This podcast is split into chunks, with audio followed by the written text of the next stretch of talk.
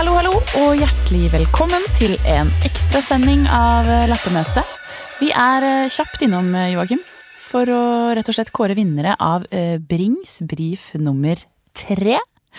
Det var jo altså denne konkurransen som vi har gående sammen med sponsoren vår Bring, hvor dere sender inn dritkule forslag til hvordan isboksen rett og slett kan få flere donorer.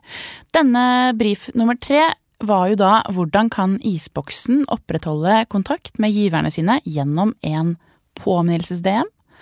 Og nok en gang var det masse bra.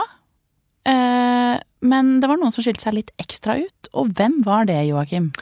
Det er eh, noen gamle kjenninger som har dukket opp igjen. Og eh, bare for å understreke det nok en gang, det er mye fint som kommer inn, så det er ikke lett å velge. Men denne gangen så varmet det godt. Det er rett og slett eh, et lite plaster på såret for de som har vært eh, innom isboksen før. Eh, og da er det Randi og Julian som har levert en genial løsning, hvor de sender inn et plaster, en, en plasterboks, som skal minne giverne sine på at en is kan være et godt plaster på såret når du har det litt tøft. Denne ideen var enkel, fin og flott utført. Mm. Så gratulerer til dere begge to.